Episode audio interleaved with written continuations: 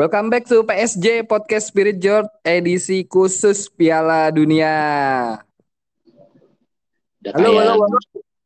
udah kayak bola aja sama soccer nih edisi khusus. Anjay. Anjay, anjay, anjay. Ya, delapan grup telah menyelesaikan seluruh pertandingan penyisihan dan meloloskan ada 16 tim ke babak 16 besar. Eh, sebelum kita bahas itu semua, eh setelah bersama kami, iya bersama kami. Lu nggak kangen apa? Nggak tag podcast, bro? Hah? Nggak Ya kangen. kangen membacot cuma kehidupan ini terus berjalan, Bro. Iya, buat SJ Mania mohon maaf ya kita eh, libur lama nih dua bulan. Kita juga kemarin sebenarnya mau ngebahas edisi khusus ini di awal, tapi ya tahu sendirilah kesibukan CEO dari PSG ini ya. Jadi jadi harap maklum ya. Tapi kabar baik bro, aman. Aman, aman, aman. Walaupun katanya barusan gempa, eh, cuma nggak kerasa. Ya mudah-mudahan eh, buat saudara-saudara kita juga yang sedang dilanda musibah diberi ketabahan ya. Dan kita Hmm. juga semua diberi keselamatan eh, oleh Tuhan yang Maha Esa, Allah Subhanahu wa taala. Amin. Amin. Eh, back to topic ya, kita menunggu ex Jerot yang lain juga untuk bergabung ya, Bro. Hmm. Mm-mm. Eh, 8 grup sudah menyelesaikan pertandingan, banyak kejutan. Eh, tim-tim Asia memberikan eh, sedikit sengatan kepada tim-tim besar. Walaupun yang lolos cuman Korsel, Jepang sama Australia. Iya, tiga lumayan, Bos. Tiga lumayan. Bahkan Australia mewakili federasi kita nih. Ya. Untung ada Australia, jadi tiga. Biasanya nggak pernah nyampe tiga gini. Ya, tapi apa yang lu lihat dari eh, tim-tim Asia nih di Piala Dunia sekarang? eh yang gue lihat adalah level permainan tim-tim Asia nih udah eh, sangat advance ternyata ya. Kita eh, memang jarang lihat eh, liga-liganya mungkin, tapi pemain-pemainnya sudah banyak malang melintang di liga-liga top Eropa dan eh, terlihat dari permainannya. Gue kebetulan selalu nonton nih kalau tim Asia kan. Memang Hmm. udah bisa menyaingi lah, nggak nggak nggak nggak timpang mainnya. Walaupun keserang pun kayak misalkan kemarin Arab lawan Argentina dikurung Arab kan cuma eh, memang taktiknya si pelatihnya kayak gitu dan bisa diterjemahkan dengan baik oleh pemain-pemainnya. Itu Arab masih ini ya pemainnya lokalan semua sebenarnya kan cuma memang kualitasnya ternyata nggak kacangan gitu. Iya, dan eh, mayoritas adalah satu tim ya dari Al Hilal ya kalau nggak salah ya. Ya, salah satu tim terkuat di Asia, klub klub terkuat di Asia kan Al Hilal, Al siapa Al Nasr, terus Al-Nassr. Al Ittihad, Arab tuh kan. Ya, seperti itulah bro ya. Tapi sebelum kita bahas Arab, kita ke grup A aja dulu bro. Satu-satu kita urut ya bro. Arab grup berapa ya? Grup C. Di grup A juga ada wakil Asia. Tuan rumah sekaligus eh, tim pertama juga yang memastikan diri tidak lolos. Dan hanya mencetak satu gol. Ya, satu gol. Dan berstatus sebagai juara Asia, bro. Ya, terakhir 2019 ya. Ya, belum pandemi ya. 2019 juara Piala Asia dan Hmm. sempat diundang ke apa Gold Cup atau Piala ini ya apa Copa America lupa gua Copa America kalau nggak salah ya Ya, kalau apa yang biasa-biasa sebelum ini ya, apa namanya? Sebelum sebelum Dunia kan Konfederasi konfederasi, konfederasi. nggak ada coy kemarin Konfederasi Oh, bukan ya? Bukan ya? Bukan. kayaknya diundang ke ini deh Copa America cuma ya gitulah demam panggung kayaknya tuan rumah kita ini Oh ya, selamat datang buat ex Jerot kita nih Pak Ika nih sang pemuncak klasemen Spirit Jerot. Halo Pak Ika. Halo, Assalamualaikum. Waalaikumsalam. Gimana Padang? Aman? Aman, alhamdulillah. Kita lagi bahas grup A nih, Pak Ika nih. Grup A. Apa Belanda? Belanda Senegal. Belanda, Senegal, Ekuador sama Qatar. Kita habis ngeceng-ngecengin Qatar nih sebagai tuan rumah ya. Yang anti LGBT ya. Gimana Pak Ika? Bagus ya Qatar uh, apa terlepas dari LGBT dan katanya banyak apa katanya tuh pegawai-pegawainya yang pada mati itu tapi dia termasuk yang penyelenggara yang sukses kan ya kalau dari grup gue lihat nih eh, berhasil mematahkan opini-opini sebelum Piala Dunia mulai ternyata seru banget ini di fase grup ini Iya. Ya, benar-benar setuju gue. Uh, Ekuador sempat menjadi uh, apa ya ancaman juga di awal kan dia Ener Valencia bro. Tapi hmm. ternyata yang lolos adalah Belanda dan Senegal nih. Ahi Sadio Mane, walaupun beliau tidak bermain ya bro. Ya doa Mane nih, doa Mane. Doa Mane. Uh, Belanda juga nggak ada nggak ada perlawanan eh, apa nggak ada kesulitan berarti di grup ini ya Pak Ika ya. Mereka nggak menelan kekalahan sekali imbang lawan Ekuador itu bahkan harusnya kalah. Hmm. cara permainan? Tapi ya Belanda is Belanda. Tetap dia jadi unggulan. Iya ada tapi komentar mm -hmm. ya sih kalau dilihat dari permainan emang pas Ekuador itu emang dia hampir ini ya hampir kalah dan ya kalau kota Pahar di Belanda itu Belanda ya tetap benar sih Belanda. Kan bisa disebut itu kan dia apa? Raja tanpa mahkota. Nah itu kita lihat nih sejauh mana dia bakal melaju nih. karena lawannya Amerika cukup kuat juga dia pertahanannya. Iya. Belanda akan ketemu runner up grup B Amerika Serikat ya uh, tapi ngomongin Belanda ada satu nama yang lagi disinggung-singgung dekat dengan uh, Manchester United nih. Gaji pokok gaji pokok. Kodi Gapok. Kodi Gapok ya. Kodi Gapok. Berapa besar peluang dia menggantikan Cristiano Ronaldo yang udah diputus kontrak? Uh, emang pasti ke, ke MU ya bukannya dia disuruh apa kan ada juga tuh dari legenda Liverpool yang dari Belanda Sirian Babel ngomongin kalau bisa dia gabung ke Liverpool atau ke Arsenal lah jangan ke MU gitu belum, belum pasti. belum pasti yeah, kan. Yeah. Pasti gabung mana kan. Downgrade ya, lagi kan kalau ke MU mah menghancurkan karir sendiri itu. Rekornya Belanda di pemain Belanda di MU bagus gak sih? Van Nistelrooy doang paling ya sama Step Jeff Stem ya yang bagus ya. Van Persie. Depay kan kurang tuh. Oh ya Van Persie boleh lah. Depay, Depay kan kurang tuh Depay. Ya ada Lain ada nama Sebenarnya ada nama lain juga yang udah digosipin dari awal musim lalu ya, yang akhirnya ketemu juga di Liga Malam Jumat. De Jong ya? Iya, yeah, FDJ, FDJ. FDJ, FDJ. Ya kita lihat aja perkembangannya gimana ya. Kita juga tunggu Gakpo akan gabung ke mana. Siap-siap manajer manajer manajer FPL nih untuk memberi satu slot kepada Gakpo. Dia gacor ya setiap laga ngegolin ya? Iya. Benar. Karena posisinya kali ya di depan banget jadi dan dia sama Klasen tuh pas banget tuh. Duonya kan. Asisnya kan Klasen terus tuh golnya. Klasen dan Gakpo ya. Mengerikan. Oke, kita tinggalin grup A yang sudah memastikan diri lolos adalah Belanda dan Senegal. Lawan dari Belanda adalah Amerika Serikat. Sementara Senegal ketemu It's Coming Home Inggris. Gimana nih tanggapannya nih dari Arif dulu dari Arif. Inggris. Hei. Oke lah Pak Ika aja deh. Si Arif kayaknya ke kamar mandi nih. Pak Ika gimana Inggris Pak Ika? Inggris, Inggris sempat ini ya udah trennya lagi bagus ya karena kan udah mulai keren sejak Piala Dunia 2018, Euro 2020, sekarang masuk lolos grup lagi dan peluangnya cukup besar gitu. Walaupun sebenarnya lawannya Senegal juga dibilang nggak terlalu gak, bukan, bukan lawan yang mudah juga gitu.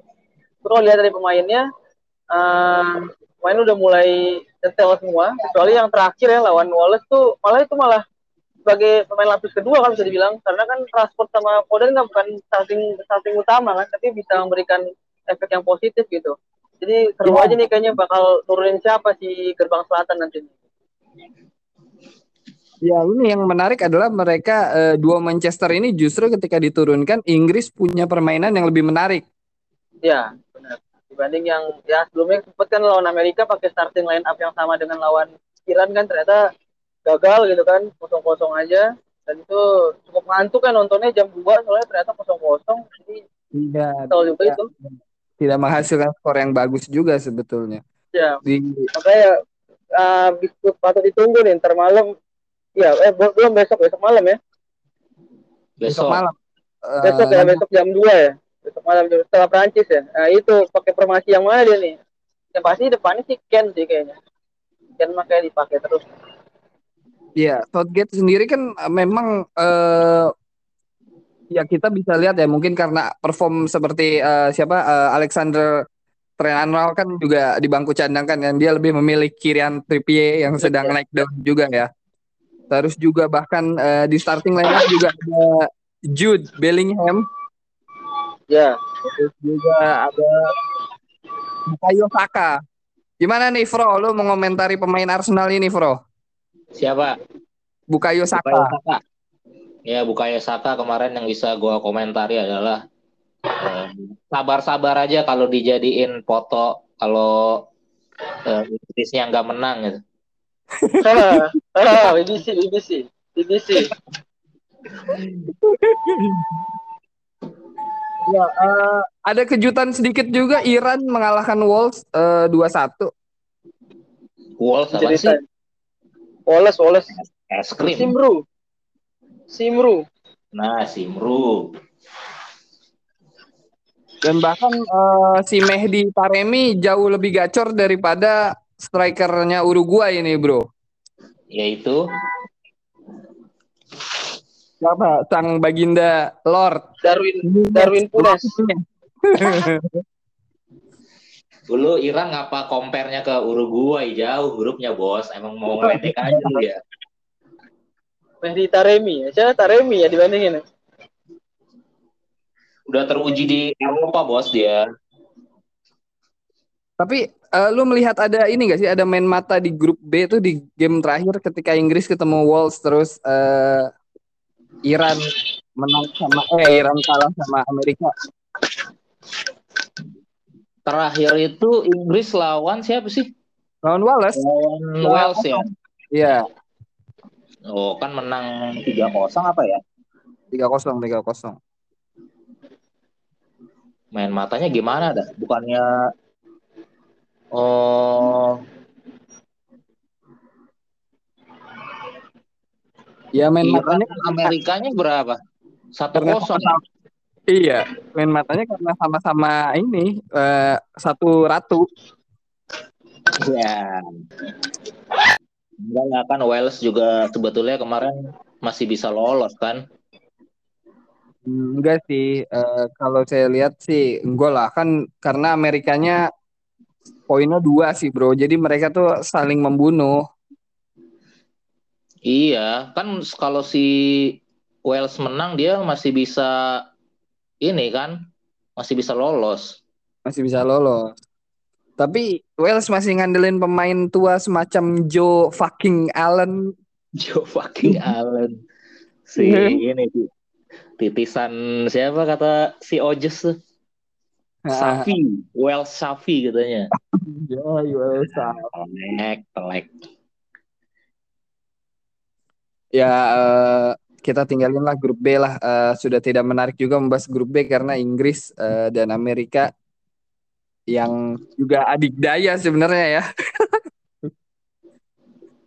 Kok kita jadi bahas politik, bro? Hmm. Di grup C Arab Saudi sempat kasih kejutan uh, di pertandingan pertama ketika mereka comeback secara luar biasa atas Argentina. Dan Meksiko walaupun menang di match terakhir tapi mereka tetap tidak lolos ke 16 besar. Gimana nih, Bro? Wah, ini padahal gue ngarep-ngarep banget nih Arab lolos. Cuma ternyata eh, pengalaman berbicara juga nih di pertandingan terakhir malah keserang terus sama ini kan sama Meksiko. Meksiko. Cuma untungnya masih bisa nyekor satu di akhir-akhir dan itu yang membuat Meksiko nggak lolos jadi kalah selisih gol. Dan apa kemarin sempat ribet nih jadinya un, ini yang ngukur apa tuh? Kalaupun kemarin Meksiko menangnya 2-0 nggak jebol, itu ngitung dari kartu kalau nggak salah ya. Betul, ngitung kartu. Nah, dan Polandia waktu itu masih lebih sedikit kartunya. Jadi ya begitulah di akhir-akhir Arab masih ada perlawanan oleh gacoannya tuh si Salim Al Dausari. Al Dausari ya. Kipernya gimana? Iko Uwais, Iko Uwais gimana, Bro?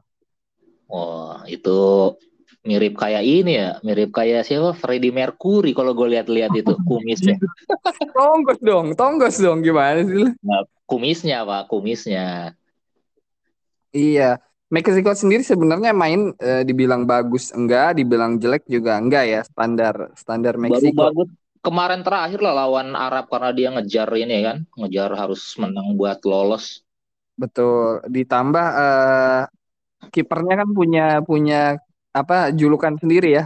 Guillermo hmm. Ochoa. Di Empat sini ini, kayaknya di grup C ini ada kiper-kiper jagoan untuk menahan penalti ya di Polandia. Oh iya. Setting, Meksiko, Ochoa itu dia berapa penalti itu tiga ya apa empat dia tepis tuh. Sesni itu mantan kiper Arsenal ya. Tapi Paikanya hmm. udah keluar nih lagi ngecengin Paika gue. eh Sesni itu dia kiper terbaik dunia coy sebetulnya. Iya. Waktu dia di Roma itu Alisson aja sampai cadangan. Pas di Dan Juve Buffon, Buffon cadangan. Cadangan luar biasa. Ya, uh, sejauh mana Polandia nanti bakal lolos karena mereka akan ketemu sama juara bertahan Prancis nah, ya nggak jauh sih Polandia ini kayaknya terhenti di 16 karena dari permainan juga sebetulnya nggak istimewa-istimewa banget dia ini. Tuh, siapa tahu uh, Sesni bakal ngeblok penaltinya Kylian Mbappe? Kan kita nggak ya, tahu. Iya, dia cuma mengandalkan si Sesni aja pertahanannya kan. Kemarin juga kalau pas lawan Arab itu penaltinya masuk, hasil hmm. akhir bisa berbeda itu. Iya bahkan uh, Lewandowski juga sempat gagal penalti kan waktu lawan Ochoa tuh di Meksiko. Itu dia makanya kayak kayaknya kalau cuma mengandalkan kiper semata nggak akan jauh ini si Polandia. Hmm. Dan uh, kita ke grup deh ya di uh, lawannya si Polandia kan Prancis. Prancis seperti yang sudah diprediksi oleh banyak pengamat atau banyak orang bahwa grup ini bukan grupnya dia, justru Denmark yang yang di yang kita juga pikirkan bahwa dia akan nemenin Prancis ternyata malah hmm. jadi juru kunci. Iya, digadang-gadang kuda hitam juga kan Denmark ini. Iya. Bahkan yang lolos secara mengejutkan adalah Aussie. Australia. Walaupun Tunisia di di pertandingan terakhir mengalahkan Prancis ya, ya boleh dibilang kejutan juga sih, tapi memang eh, Prancis main slow lah kemarin itu kan udah pasti lolos dia. Iya dia sudah mengantongi dua kemenangan sebenarnya. Jadi ya tidak kalaupun dia kalah pun dia tidak tergeser gitu. Iya. Karena menang head to head sama Australia dan Denmark gitu kan. Hmm. Ya grup ini sebenarnya tidak terlalu banyak yang harus kita bahas lah ya. Tidak hmm.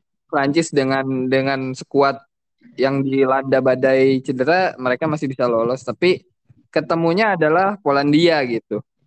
Mungkin yang bisa sedikit dibahas ini uh, ini cocok logi aja sebenarnya ya Denmark ini kan uh, mereka uh, sebetulnya datang ke Piala Dunia ini banyak membawa ini juga ya. Isu-isu terkini yang dia bawa lewat tim kayak kemarin sempat gimmick mau pakai uh, jersey yang hit, hitam semua.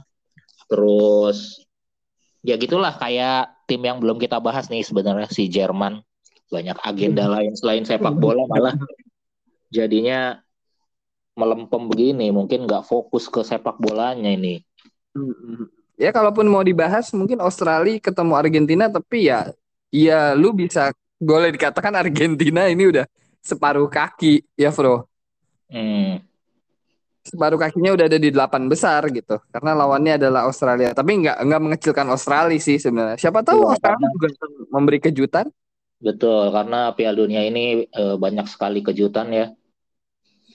Ya, seperti di grup E, kejutannya adalah Jepang bisa eh, menarik 6 poin dari dua tim yaitu uh, Spanyol dan Jerman tuh. Bro. Gila dia mengalahkan dua tim. Gila banget ini Jepang. Apakah uh, tuah dari Ozora Subasa dan kawan-kawan nih berlanjut di di babak gugur nanti nih, Bro? Hmm. Kalau menurut gue Jepang ini dia memang apa ya me, mengejawantahkan asik, mengejawantahkan visi sepak bola mereka dari uh, apa uh, anime-anime itu kan di lapangan hijau yang sebenarnya gitu kan mereka dari dulu udah bikin serial seperti Kapten Subasa yang bermimpi uh, main di Piala Dunia lawan Brazil. Sekarang mereka ketemu Brazil ya di 16 besar kalau nggak salah ya. Eh enggak dong, di mereka ketemu Kroasia. Oh, Kroasia dulu, betul betul betul. Kroasia. Korea yang lawan Brazil ya. Ya Korea intinya lah. inilah di Piala Dunia mereka melaju jauh dan itu gue lihat uh, ada apa ya pola pikir mereka lah yang uh, visinya itu udah jauh ke depan lewat anime mereka uh, memvisualisasikan uh, target mereka dan tapi di realisasikan juga di dunia nyata gitu dengan pengembangan akademi, liga yang bagus segala macam, ekspor pemain-pemain ke liga-liga Eropa. Yeah. Ya emang udah tim terkuat lah Jepang ini kalau di, di Asia, Asia lah. Oh. tim terkuat ini kalau kata Mbah Mbah Jawa tuh. Mbah Tono, Mbah Tono. uh, yang menjadi runner up Spanyol juga datang dengan kontroversi ya. Banyak pemain-pemain yang kemudian tidak dibawa oleh uh, pelatih Luis Enrique, kemudian juga sempat memberikan uh, apa namanya ya kejutan dengan menang besar 7-0 tapi kemudian uh, match berikutnya draw dan kemarin kalah sejak ya kalah. Itu yeah, yeah. Uh, kita masih bahas Jepang sedikit ya kejadian bola melewati garis itu seperti kasus Liverpool Manchester City saat itu ya, Bro. Lu ingat itu tidak? Iya, tahu gua. Cuma kalau itu kan di ini kan di gawang kan. Di gawang. Manchester City. Kau ini kan crossingnya siapa? Si Kauru Mitoma. Mitoma. Luar biasa memang. Oh ya kita kembali ke Spanyol tadi. Tan banyak kontroversi karena banyak pemain yang seharusnya layak untuk dipanggil ke timnas tapi tidak uh, masuk timnas. Sebut saja Thiago Alcantara. Bahkan penjaga gawangnya adalah bukan David De Gea. Seperti itu. Dan hasilnya satu kali menang, satu kali imbang, satu kali draw. Uh, poinnya sama dengan Jerman, hanya kalah produktivitas gol tuh si Jerman. Karena dia hanya hmm. menang 4-2 ya lawan Costa Rica. Iya, Spanyol dan nabung banyak lawan Costa Rica. Hmm. Costa Rica kipernya bagus loh. Uh, Kelor Navas. Dulu dia, tapi. Dia doang sih yang paling gua kenal. oh enggak, ada ada si ini juga, ada siapa namanya? Uh, Joel Campbell. Joel Campbell oh iya. Ada Joel Campbell. Tapi uh, kita kesampingkan faktor itu Jerman kan juga baru baru ditangani sama Hansi Flick nih. Apakah hmm. memang menurut lu uh, Hansi Flick ini belum nyetel banget sama Jerman? Tapi kalau dilihat mayoritas pemainnya adalah anak-anaknya dia di Bayern Munchen gitu. Hmm. Ya memang uh, sampai dua edisi terakhir tersingkir di fase grup sebetulnya menandakan ini ada yang salah di Jerman ini. Apa itu lontang-lontang? Oh, Woi, nggak ada itu ya? Itu kenapa Pak Ika? Oh, udah.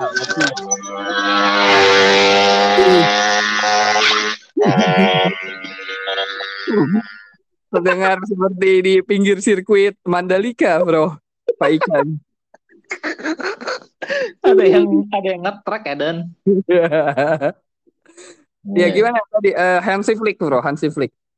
Uh, di luar Hansi Flick ya sebetulnya penurunan performa Jerman nih apalagi di turnamen-turnamen major udah dari 2018 kan ya mereka juga tersingkir di grup, Grup. Di oleh grup. tim Asia juga gitu ya. Dan gue oleh melihat pelatih kita, oleh pelatih kita saat ini, Bro. siapa? Oh iya, STY Hmm. betul. TY. Dan gue melihat memang siklus Jerman ini lagi menurun terbukti dari apa ya regenerasi pemain mudanya kurang sekarang Jerman ini. Bahkan Musiala aja itu kan sebetulnya ada darah Inggris kan pemain muda terbaiknya aja dibesarkannya di Inggris atau di Chelsea waktu itu kan. Sebetulnya udah pertanda ini Jamal. kan. Iya si Hmm. Jamal emang bagus banget sih dia kemarin. Pemain terbaik Jerman lah di Piala Dunia ini. Iya, iya. Dan- Walaupun yang ngegolin siapa namanya Fulger ya? Fulger apa siapa? Fulkrug Oh, Fulkrug. Nah, ini juga si Jerman dia sekarang nggak punya nih ujung tombak yang tajam. Kayak dulu kan ada Klose gitu kan, ada vokal poinnya lah. Nah, si Fulkrug ini sebetulnya tipe-tipe striker yang seperti itu, ya kan? Cuma si Hansi Flick ini dia terlalu loyal oleh pemain-pemain lama yang sebetulnya sudah mulai habis kayak Thomas Muller gitu kan. Kalau Fulkrug itu eh, dia berapa dua gol ya di sini ya? Dua gol, dua gol. mungkin kalau dia ada main lebih banyak starting gitu kan dia kemarin kan sub mulu kan mungkin ceritanya bisa beda dan di backnya juga gue lihat kurang nih kalau Jerman nih kan kayak Hummels itu lagi bagus padahal di Dortmund tapi nggak dipanggil terus back kirinya itu kan bukan back kiri asli kan si apa sih Raum Raum ya Raum, Raum. Nah, Raum itu kan aslinya winger kalau nggak salah kan. Terus si Sule kemarin jadi Iya. bek kanan gitu kan. Ya, bahkan siapa yang bilang Sule adalah Harry Maguire-nya Jerman ya? Jerman ya, karena posturnya juga mirip kan gede gitu. Gede, Ya. Gede gedung. regenerasi pemainnya lagi kurang Jerman menurut gua harus eh, memberi perhatian lebih di akademi. Nah, ngomongin Kayak dulu dulu itu Hmm. kan waktu Euro berapa ya 2004 kalau nggak salah yang Jerman juga nggak lolos grup. Nah, habis itu tuh Jerman dia jor-joran di eh, pembinaan pemain muda dan generasi barunya muncul kan kayak si Ozil, si Lam gitu kan. Nah, Eh, mereka eh. berhasil Betul, betul, betul. mulai munculnya di 2010 kan, bagus kan si Ozil. Dan lain-lain. di 2014 Puncaknya ya. di 2014 benar. Nah, mungkin ini bisa jadi trigger juga nih buat Jerman untuk mengulangi eh, sejarah seperti itu gitu. Betul, betul, betul. Kalau kita ingat dulu mereka punya Thorsten Frings dan Michael Ballack yang kemudian bergeser kepada Bastian Schwarzenegger. Sekarang bergeser lagi ke Joshua Kimmich. Nah, selanjutnya ke siapa gitu ya, Bro? Ya, belum kelihatan nih. Ya, ya, ya, ya. Nah, ngomongin eh, regenerasi, Bro. Grup selanjutnya regenerasinya juga boleh dibilang busuk ya. Benderanya, warna benderanya sama, cuma kebalik doang. Dan juga, dan juga sama-sama eh, mendukung gerakan yang itu. Ini ya, One Heart, Tuhan Hart ya. gerakan Honda. Ini juga digadang-gadang eh, golden era atau gold and era, Bro. N era jadi gitu ya. Iya, Ada gold, dalam golden gitu ya. ya, gold and era atau golden era ini. Golden era yang tidak menghasilkan apa-apa seperti golden eranya Inggris waktu itu. Oh ya, golden eranya Inggris itu eh, mayoritas kelas 92 ya. Eh, enggak lah, Juga sih ya. enggak. Tapi ah, tapi sebagian banyak lah, sebagian banyak ada kelas 92. Eh, di Belgia nih apa yang terjadi nih? Kevin De Bruyne kita tahu di Manchester City golnya, asisnya, kemudian eh, Romelu Lukaku, kemudian ada lagi Thibaut Courtois juara Liga Champions gitu. Apa yang Hmm. terjadi dengan Belgia, Bro? Gue lihat Belgia ini dia eh, apa ya? Mentalnya kurang nih. Mereka kayak kemarin kan ada eh, rilis-rilis statement dari Kevin De Bruyne kayak udah menyerah sebelum main gitu kayak bilang mereka eh, Belgia nggak akan juara tahun ini. Kesempatan terbaik Belgia itu harusnya kemarin di 2018. Sekarang kita udah terlalu tua kata si si De Bruyne. De Bruyne gitu kan. Nah, ini padahal kan De Bruyne salah satu pemain senior ya, tapi dengan mengeluarkan statement kayak gitu, gue melihat ini menjadi faktor juga buat mental uh, Belgia. Terus habis itu ditanggepin lagi kan nama uh, siapa Vertongen apa Alderweireld dia, dia.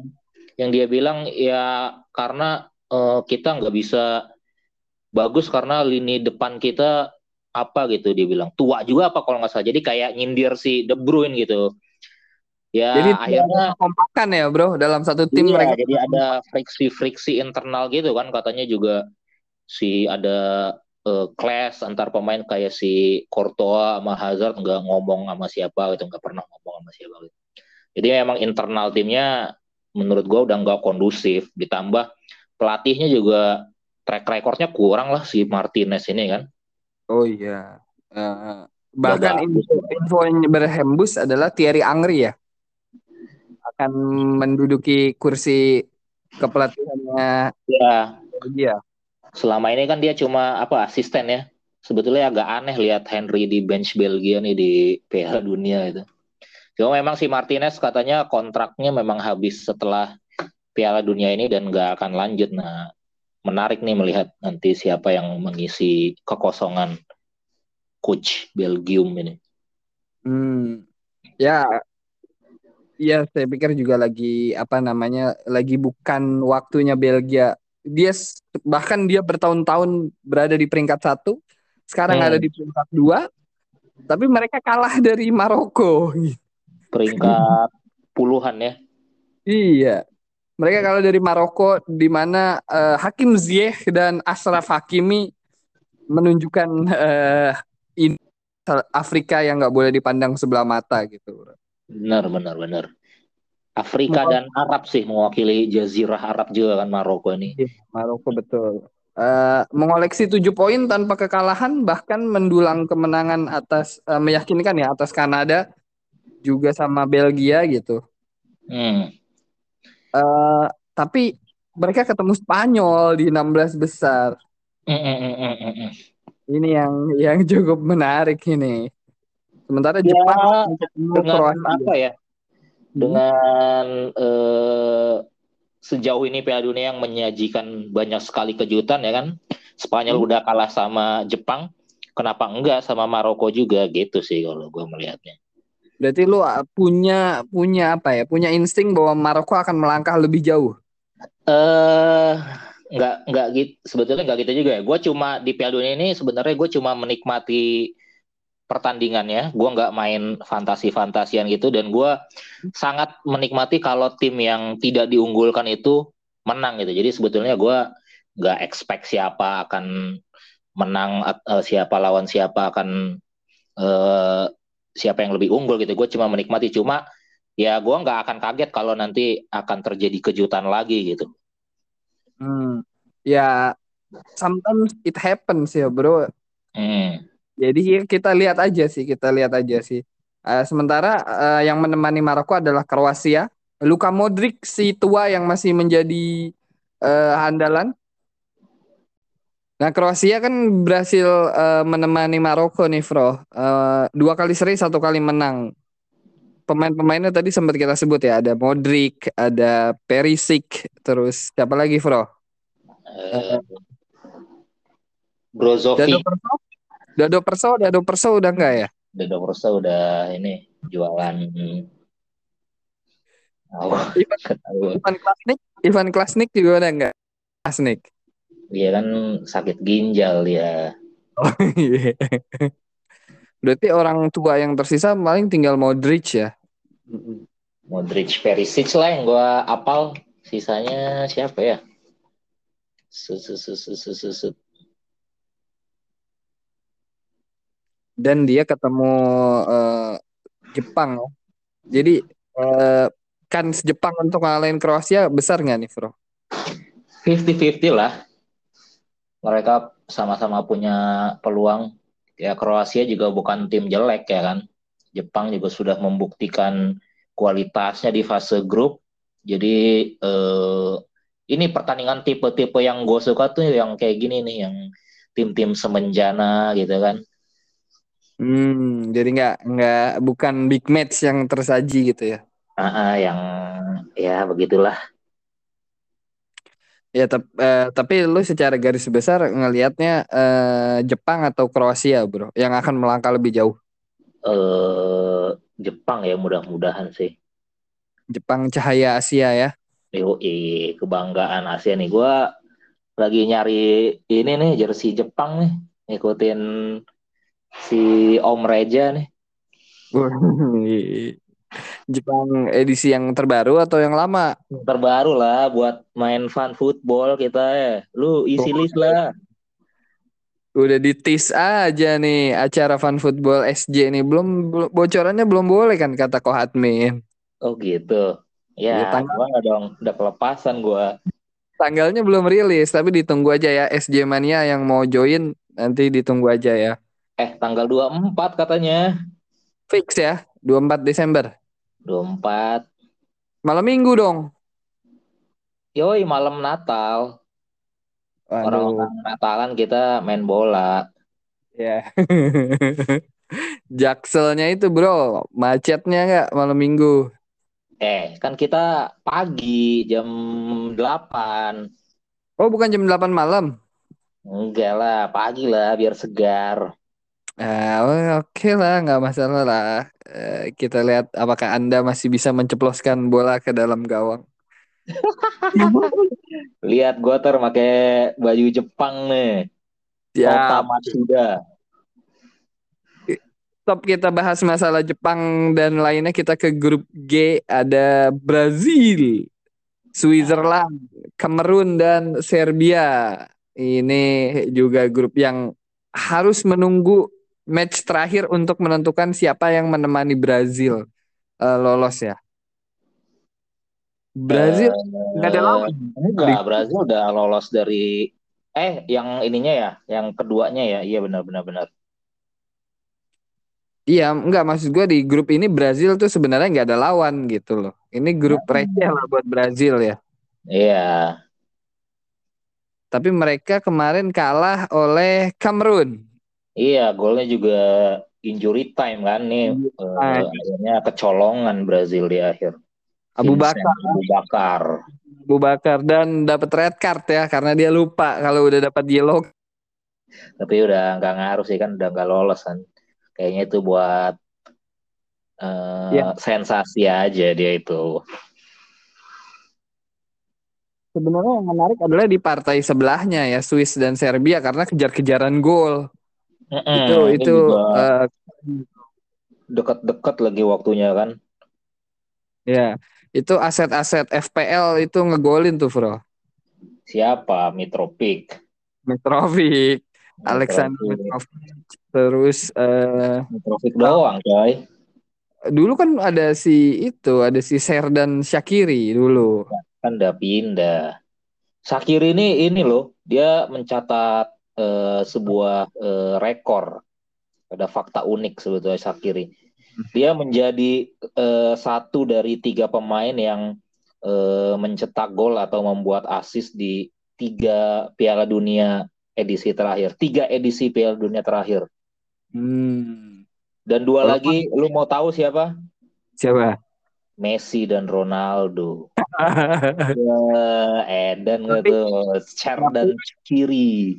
Ya, eh, yang gua baca sih adalah eh, Shakir ini adalah orang kedua setelah Ronaldo yang mencetak gol di lima turnamen major terakhir, Hmm, termasuk Euro juga ya.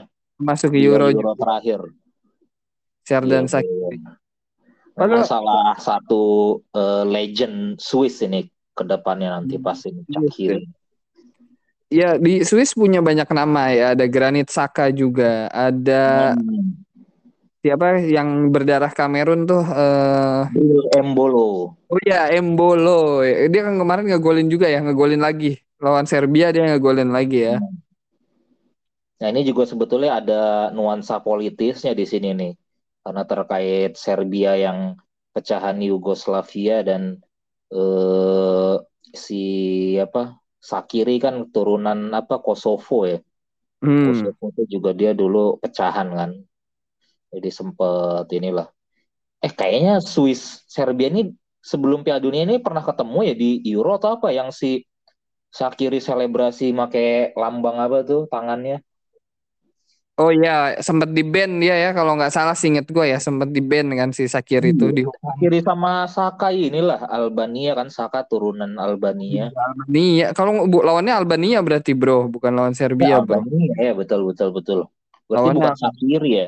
Iya Saka Saka. Saka yang dihukum ya. Kalau Serbia sendiri kan ada striker Juve ya, Dusan Vlahovic, terus ada Dan Mitrovic. Mitrovic. Dulu pema- dia tahun berapa yang dia juara U20 ya Pildun nih kalau nggak salah pemain mudanya. Eh, Tosik ya, Tosik. Zoran Tosik ya. Bukan, bukan Zoranto itu udah kelamaan. Baru-baru Oh. inilah Siapa bro? Si bentar gue lihat di cadangannya nih. Tapi nggak banyak sih yang naik ke tim senior sekarang nih. Si bentar mana sih? Ah skip lah, lupa gue. Tadic bro, kaptennya bro. Yoi. Dusan Tadic.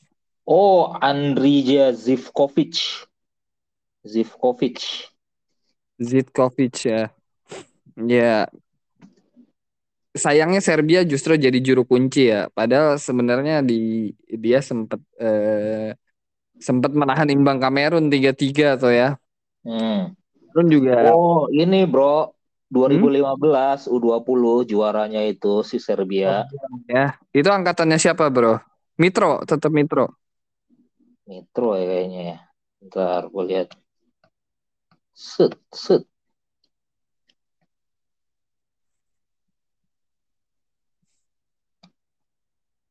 Dead Air nih, kelamaan lu browsingnya. Ntar kan lu potong. Ya, Slobodan. Eh bukan, Oh, si mana ya? Kok nggak ada yang keluar namanya? Nggak ada yang naik berarti. Iya, kita tinggalkan lah Serbia lah. Nah, ini Brazil nih bro adalah satu dari tiga nama yang di anta, eh, sorry, yang dijagokan oleh banyak rumah judi akan memenangkan Piala Dunia nih bro. Kedalaman Selain skuad sekarang gimana nih Brazil nih? Brazil. Oh, kok ini salah satu yang terbagus memang ya kalau dari squad. Dia eh, dan relatif muda-muda kan pemainnya. Apalagi barisan eh, penyerangnya seperti Vini Junior, Rodrigo, duet Real Madrid, kemudian ada Gabi Martinelli, kemudian ada Gabriel Jesus, Rapinha, Anthony. Wah, pokoknya masih relatif muda ya, masih belum belum sampai peak eh, umurnya, tapi udah Hmm. jadi andalan di klub masing-masing dan akhir-akhir ini cukup bersinar semua gitu loh. Jangan lupakan juga eh, penjaga gawangnya yang setara antara inti dan pelapisnya, bro. Betul, Ederson dan Alisson siapa yang nggak pusing coba nih sebenarnya. Iya. Kasihan juga sih si Ederson sebenarnya salah salah era dia kayaknya bareng sama Alisson itu. Tapi memang jarang Brazil nih punya kiper utama dan pelapis yang sama-sama Yahud gitu loh, bro. Betul. Terakhir, terakhir zaman siapa ya? Nelson Dida aja pelapisnya Rogerio Ceni ya. Mm-mm, tapi Cheney-nya udah tua. Ini kan Alisson Ederson ini kan eh, masih inilah ukuran untuk kiper masih panjang lah karirnya. Iya, ini makanya Brazil luar biasa nih. Terus juga jangan lupakan eh, gelandang yang sering kita pick juga, bro, di Newcastle, bro. Oh, Bruno gue males. Iya, Bruno Guimaraes.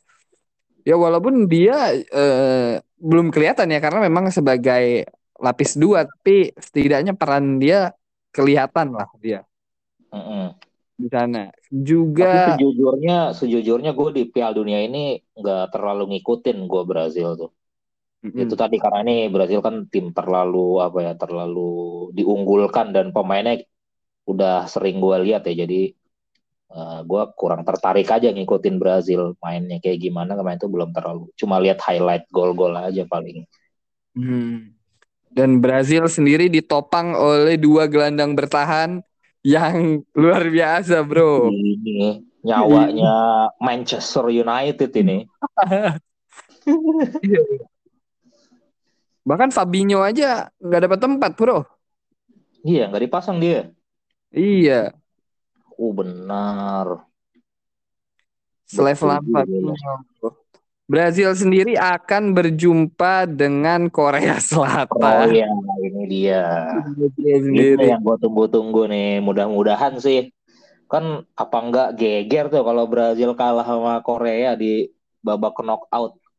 Iya. Gegernya ini yang gue cari nih kalau tim semenjana menang tuh kan lawan tim besar. Seru, seru, seru. Oh Iya, Jerman- nonton nih. Jerman yang juga diunggulkan juara sudah keluar lebih awal. Eh, dia bertemu Belgia di bandara ya, bro. nah, apakah Brazil juga akan menyusul Jerman nih? Mudah-mudahan. Gue sih pokoknya berharap Piala Dunia kali ini yang juara itu yang belum pernah juara. Syukur-syukur dari Asia lah. Atau dari Afrika gitu. Bosen kan Eropa mulu. Sih berat. Malah beberapa edisi terakhir kayaknya Eropa semua ya. Terakhir Brazil kayaknya ya. 2002. Amerika Brazil. Selatan. Amerika Selatan 2002, 2006 Italia, 2010 eh, Spanyol, 2014 Jerman, Jerman. 2018 Prancis. Eh, hegemoni Eropa nih masih Itulah. masih dalam tahun-tahun terakhir Piala Dunia ya. Makanya siapa tahu wakil Afrika atau Asia membuat geger dunia sepak bola kan. Wah, Iya. gua Nah, ngomong- menantikan. Ngomongin hegemoni Eropa, ada juga wakil Eropa di grup H nih, Bro, yang terkena eh, yang bermain drama Korea nih di match terakhir semalam nih, Bro. Wah, ada nakor ya. Ke bawah-bawah Mm-mm. Korea ya jadi jadi drama juga ya. Iya, dengan aktor eh, utamanya adalah orang yang pernah main becekan di GBK 2013 silam, Bro. Oh, where is Evan Dimas? Iya, iya. Di sekarang eh, nggak tahu ya, sejak Huang Hechan tuh dia eh, namanya melambung, Evan Dimas selalu dikait-kaitkan ya sama Iya. dia. Terutama oleh orang Indonesia sih sebetulnya kan. Orang lain mana orang luar mana tahu kan Evan Dimas siapa Evan Dimas itu kan. Ini mah kita aja karena waktu itu menyaksikan sendiri Evan Dimas dengan timnas Indonesia yang mengalahkan Wang Hichan. Apalagi Mm-mm. hat trick kan waktu itu ya eh, Hat-trick, Evan Dimas hat-trick. di bawah Evan- guyuran hujan kan itu. Dengan hujan dan drainase GBK yang sangat bagus itu, Bro. Saat itu ya. Itu. Gak tahu kalau sekarang ya. Soalnya Hmm. habis dipakai habis dipakai kegiatan politik. Au. Iya dari situ kan udah apa ya udah kelihatan lah soal progres sepak bola kedua negara tersebut kan bagaimana eh, sistem transisi dari junior ke senior itu berjalan atau enggak gitu kan.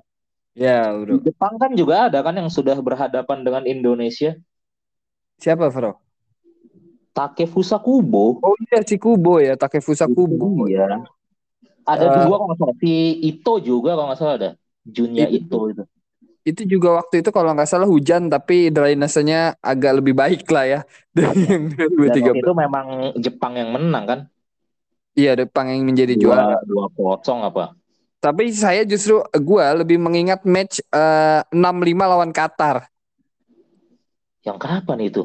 Itu sama lawan Jepangnya itu kan ya? setelah fase grupnya lolos dari grup ketemu Jepang gugur.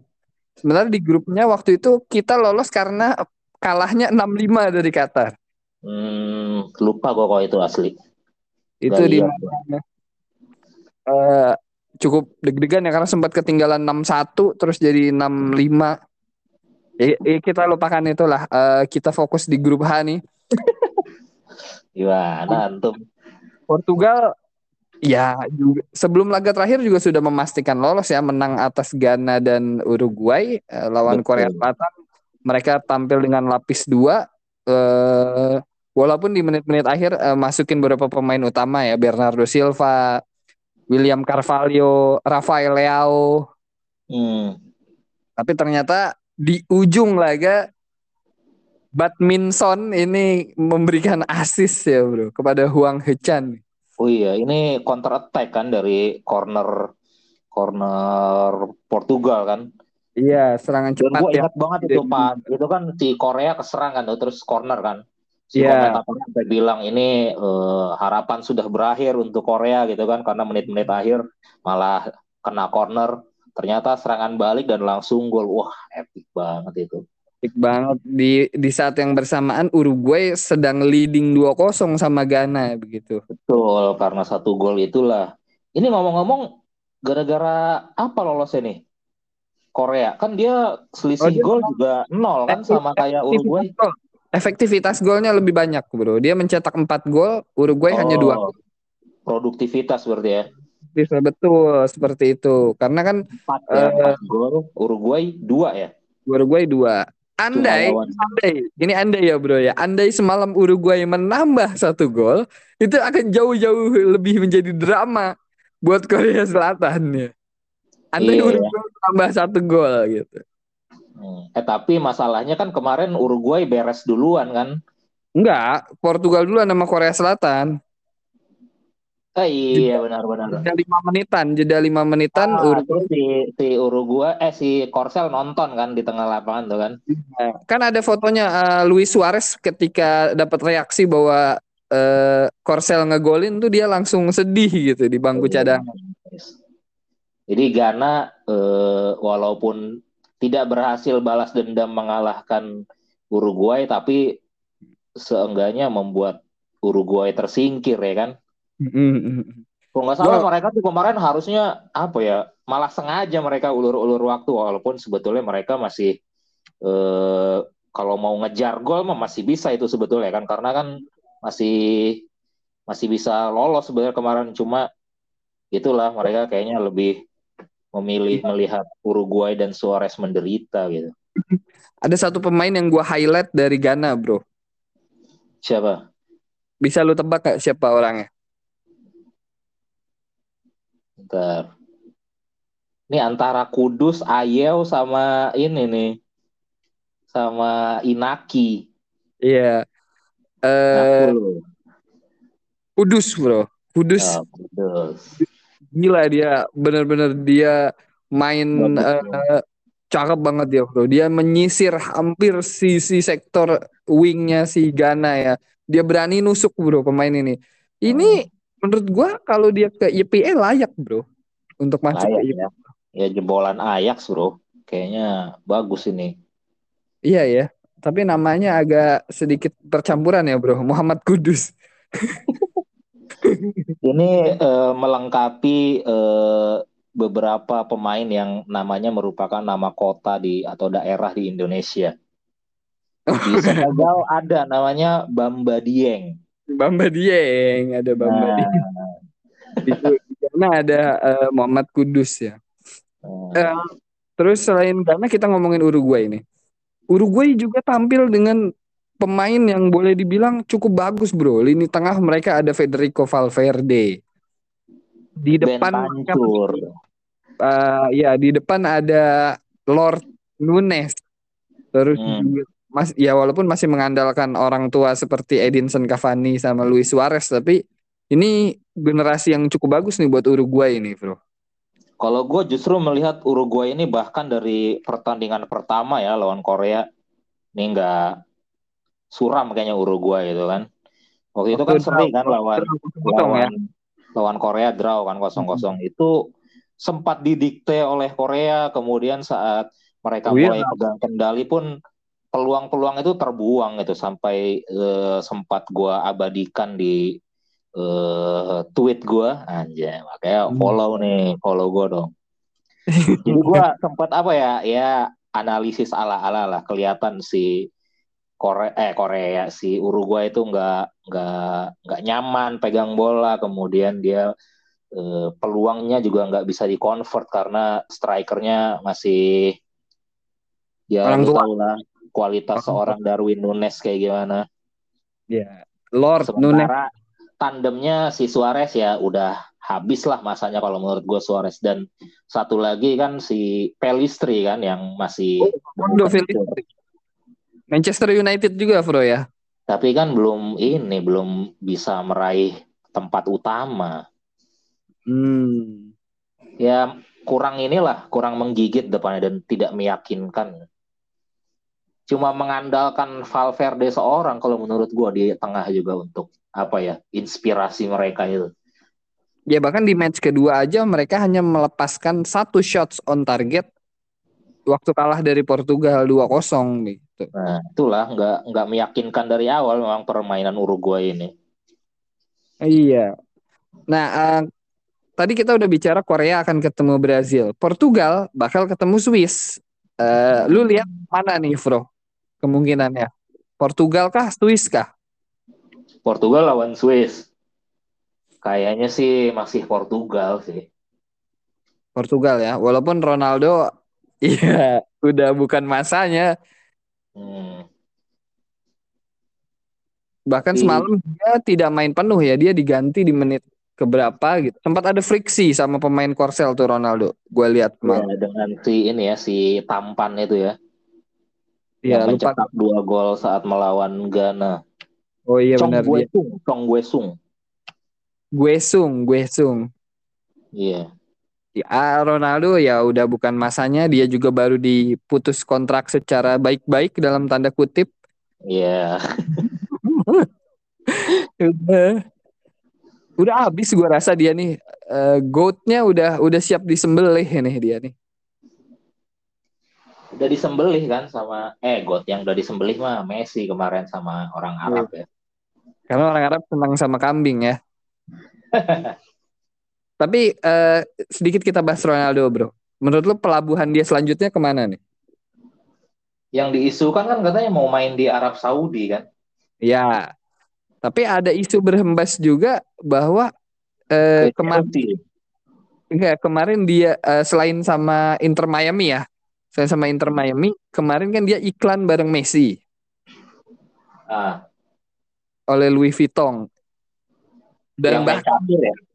ya dan bahkan katanya boardnya Manchester United itu menyiapkan sejumput dana untuk menebus Kylian Mbappe. Bisakah jadi pertanda Bape cabut Ronaldo gabung PSG? Bodoh sih PSG kalau mau kayak gitu mau ngapain lo ngambil Ronaldo di saat di tim lu udah ada Messi gitu kan? Ada yeah. dua matahari bro, ntar apa enggak kiamat itu? Ya makanya kita kita nggak tahu atau menunggu Messi-nya yang cabut dari PSG karena kan Messi juga kontraknya berakhir kan musim ini di PSG. Iya iya iya iya. Kan Messi ditawari sama Beckham ke Inter Miami kan. Hmm.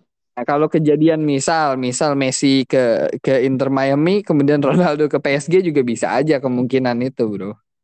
Hmm, yeah. Atau Betul. mungkin si Sultan yang lagi diam-diam merayap nih Newcastle United bisa membangun kekuatan juga, bro. Iya iya iya bisa jadi. Ya kita lihat lagi ya nanti setelah World Cup selesai. Hmm, ya yang pasti buat kalian manajer FPL uh, eh, buang tuh Ronaldo dari dari draft list kalian. Dan dia baru mencetak tiga gol musim ini ya. Iya, tidak bisa melawan usia pada akhirnya manusia itu. Iya, ya Ronaldo Ronaldo ya bro. Kita bahas tentang uh, sekarang ini bro. Uh, tim-tim Asia uh, Afrika ya. Asia dulu kali ya, Bro. Hmm. Ya, Asia Qatar juru kunci nggak bahkan nggak menang bahkan tuan rumah yang tidak mena mendapatkan poin sama sekali gitu ya. Dan dengan segala kontroversinya tadi di awal lu sempat bilang Iran sempat mengejutkan dengan mengalahkan Wallace 2-0 tapi jadi bulan-bulanan Inggris di match pertama. Tapi sempat ngegolin dua ya ke gawangnya Jordan Pickford. Uh -uh. Sebenarnya cukup merepotkan Iran itu. Mehdi Tarmi dan kawan-kawan ya. Sayang mereka kurang untuk bisa uh, lolos ke babak selanjutnya. Di grup C ada Arab Saudi juga sama kasusnya dia menang atas uh, Argentina. Setelah itu dia kalah di dua match beruntun gitu bro. Mm-hmm. Nih gue inget kasus yang sama terjadi di timnas kita di Piala Asia 2007 bro. Waktu itu kita menang sama Bahrain Bahrain 2-1. 1 lewat gol Bambang Pamulang. Eh Bambang Pamungkas eh sama siapa? Satu lagi Budi Firman. sudah Firman, Bos. enggak, Firman tuh kena tiang, Bro. Firman eh, kena Budi itu yang lawan Arab golinnya, Pak. bukan, Budi lawan Bahrain. Lu lu cek YouTube deh. Budi itu Piton lolos dari dua-duanya Firman Utina asisnya. Oh Pertama iya. Firman Utina eh, long ball ke Budi, yang kedua Firman Utina shooting kena tiang diajar BP. Nah, habis itu kita ngelawan Korsel sama Arab kalah, Bro. Arab Iya. juga begini. Menang pertama mengejutkan sama Argentina. Ya gue juga berharapnya Arab lolos sih ya, karena mereka secara permainan nggak jelek-jelek banget. Bagus, Bro, asli Arab itu. Mm-mm. Pelatihnya juga bukan kaleng-kaleng lah. Iya, siapa namanya? Hervé Renard. Iya Renard. Terus di grup D Australia eh, wakil AFF bisa satu-satunya wakil AFF yang nggak main di Piala AFF. Ada lagi, Pak. Apa? Rusia. Kan dia Ras- katanya mau join Asia dia sekarang. Oh begitu ya. Demi demi bisa masuk ke Ya kita lihat Rusia lah lolos dari sanksinya kapan gitu. Grup E Jepang superior walaupun secara mengejutkan kalah dari Costa Rica. Di grup F nggak ada tim Asia, di grup G nggak ada, di grup H Korea Selatan juga lolos. Eh, kalau di Afrika sendiri, lu nggak ini ya, nggak expect juga atau expect sama tim-tim Afrika? Eh, Senegal udah jelas dari awal ya. Gue bahkan dulu sempat pegang Senegal waktu Mane masih dikabarkan akan main. Oh, Cuma waktu- begitu dia dipastikan gak main, ah ya nggak terlalu optimis ya sebenarnya gue. Cuma ternyata berhasil juga. Terus Ghana juga sebenarnya kemarin aduh sangat disayangkan yang lolos dari grupnya tuh bukan Ghana sama Korsel itu karena Portugal keburu lolos duluan. Pengennya mah antara eh bukan antara Korsel sama Ghana kan cuma kemarin kan cuma bisa antara Korsel atau Ghana nggak bisa dua-duanya. Ghana tuh nyaris bikin seri Portugal tuh kalau kipernya eh, blundernya tuh jadi gol. Inaki William kepleset kan kalau nggak salah ya. Mm-mm. Menit terakhir. Bodoh juga itu. Itu kiper yang digadang-gadang jadi gantinya David De Gea, Bro. Siapa sih? Diego Oh Costa. si Diogo, Diogo Costa ya. Diego Costa. Ya tapi kalau lu suruh milih De Gea sama dia, lu milih siapa, Bro? Ya dia lah. Apain De Gea? Nggak pernah gue suka sama De Gea. Tukang maling donat gitu ngapain? ya. Legend dia, Bro, udah legend dia. Cuma sayang aja nggak dipanggil timnas. Tunisia, Tunisia bagus terus. Maroko gimana, Bro? Maroko ya memang materi pemain juga salah satu yang paling mengkilat sih kalau dari eh, Afrika nih ya.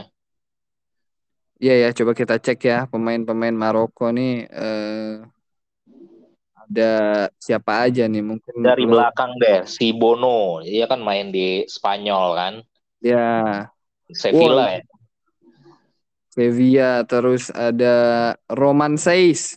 Romain Saiz. Roman tapi ke mana dia sekarang? Aston Villa ya. Aston Habis Villa. dari Wolves itu. Terus ada si Mazraoui, Bro. Mazraoui ini Ajax ya? Bayern Munchen. Bayern Munchen sekarang, Bro. Enggak, tadinya Ajax ya dia ya. Iya. Mazraoui terus Kanan ada kiri oke itu back sayapnya tuh. Ah, Hakimi dan Mazraoui. ya. Terus ada Amrabat ya, ada Sofian Amrabat. Yang yang kita kenal banget adalah Hakim Ziyech ya. Eh tapi ini ada ada kemarin gue juga baca ya di Twitter tuh ada yang menarik bahwa para pemain Chelsea yang tidak dipasang begitu, Bro. Ini tampil dominan nih, tampil bagus di Piala Dunia ini. Bahkan eh, pada ini ya meraih eh, gelar man of the match ya.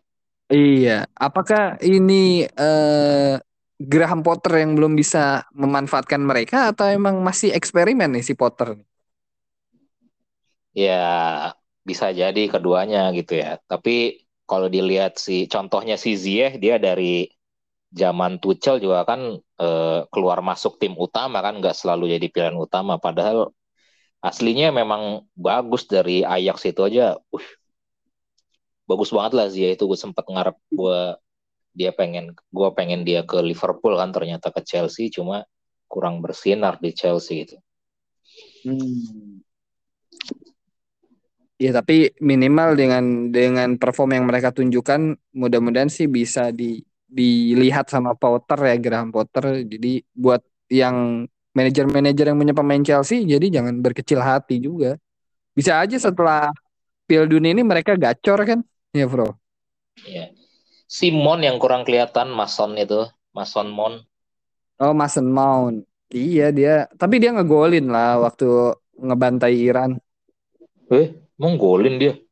Eh, bukan dia ya? Enggak, enggak bro. Oh, Saka Bellingham ya yang ngegolin ya? Iya, Sterling. Sterling, bahkan Harry Kane aja belum. Kan aja belum ya? Kan belum Harry... golin ya? Iya. Apakah Harry Kane menjadi Harry Maguire. Karena sempat kecengklak juga dia kan di pertandingan pertama tuh kan.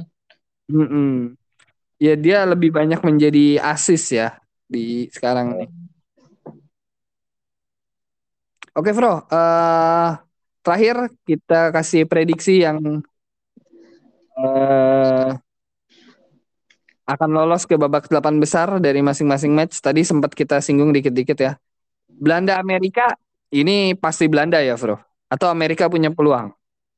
Eh, uh, ya Belanda lah, biar biar Ando seneng. Oh iya ya Belanda ya. Belanda uh, kalau mereka lolos, mereka akan ketemu Argentina nih karena menurut gua Argentina udah udah separuh kaki ya.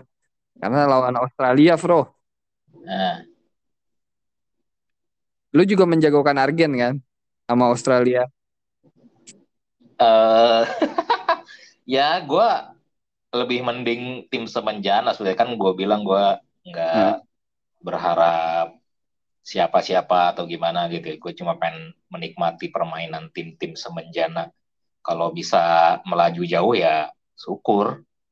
Ya, maksud gue ketika nanti di babak perempat final uh, akan akan sudah terja tersaji uh, big match big match dari tim-tim besar. Hmm. Ya kalau Belanda katakanlah lolos menang atas Amerika nanti malam, bes uh, nanti malam juga besok malam juga Argentina sama eh nanti malam juga ya Argentina Australia mereka kan bakal ketemu karena dalam satu bagan. Di hmm. bagan nah, di bagan yang sama juga ada Jepang, Kroasia dan Brazil Korea Selatan. Ini bisa Jepang ketemu Korea Selatan atau Jepang ketemu Brazil nih, Bro? Oh, Jepang Korsel lah. Derby Asia nih seru banget ini. Jadi lu uh, lu berharap Neymar dan kawan-kawan nih selesai langkahnya ya.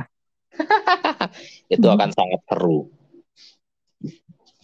Ya berarti uh, ini prediksi dari ex Jurot Arif adalah Belanda, Australia tadi lu bilang ya, bukan Argentina ya? ya anggaplah seperti itu. Jepang sama Korsel ya. Di bagian sebelahnya Prancis Poland. Oh Prancis lah itu. Prancis masih ya. Nah ini juga tim yang lu dukung nih Inggris Senegal. Oh Senegal lah gue dukung. Iya ya. Walaupun Sadio Mane dalam udah dipastikan dia gak akan main sampai akhir ya. Iya enggak lah kan emang gak dibawa akhirnya dia. Iya ya. Padahal kan eh, kemarin sempat ber, beredar isu kan mungkin nggak main di penyisian grup, kalau lolos bisa main di babak gugur gitu. Mm -hmm. Ya Inggris lawan Senegal mm, ngeri juga sih. ngeri lah kencang-kencang Senegal. Nah ini Maroko Spanyol udah jelas Maroko ya. Yoi. Yoi dan terakhir Portugal Swiss. Swiss. Uh, pengennya sih Swiss, ya Swiss lah. Ada Sakiri soalnya. Kiri ya. Tapi bisa aja sih Maroko lawan Portugal. Kalau prediksi gue Prancis ketemu Inggris bisa juga bro. Agak Hmm. menarik grup eh, di bagan yang sebelah sini. Sebelah Oh, Inggris kalau menang itu lawan yang Prancis Menang. lawan itu ya, Poland ya. Poland, iya gitu. Bisa Oh, ketemu. Lebih seru, la- lebih seru lagi Senegal Prancis tuh ulangan 2002.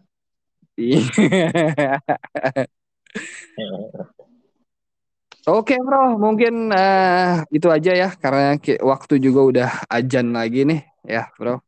Ah, Eh, nanti kita ketemu lagi di babak delapan besar ya bro. Kita akan bahas apakah tim-tim kecil yang lu doakan untuk bisa melangkah lebih jauh akan melangkah lebih jauh begitu ya.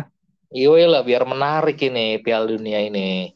Tapi Memang Piala Dunia saat ini Piala Dunia yang eh, secara babak penyisihannya menarik karena banyak terjadi kejutan ya bro. Iya.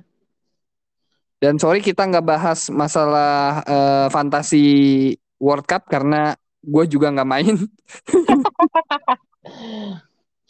Jadi ya dia minimal dari yang tadi kita bahas kalian bisa menerka lah pemain-pemain yang punya kans untuk menghasilkan poin ya bro.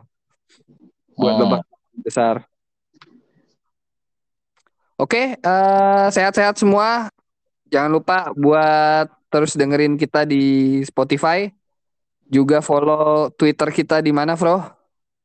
Di at Spirit Jerot. Jerot. Eh, Dan I- Benar ya? IG-nya IG-nya IG-nya FPL underscore Spirit Jerot. Jerot. Jerot. Oke, gua pamit. Eh, Arif juga pamit. Ya, kenapa? Ini fun football sounding lagi.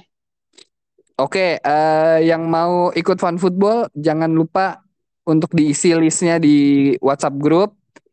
Eh, insya Allah tanggal 24 Desember jam 8 pagi di mana Bro? Di Jaksel ya, gue lupa lapangannya. Nanti kalian Iya. cek. Mudah-mudahan kita bisa ketemu di sana. Eh, bisa tag juga di sana ya Bro ya. Oh bisa bisa bisa. Tag di sana ya. eh, sehat-sehat terus semuanya. Oke. Eh, Bravo sepak bola nasional. Bye bye. Bye.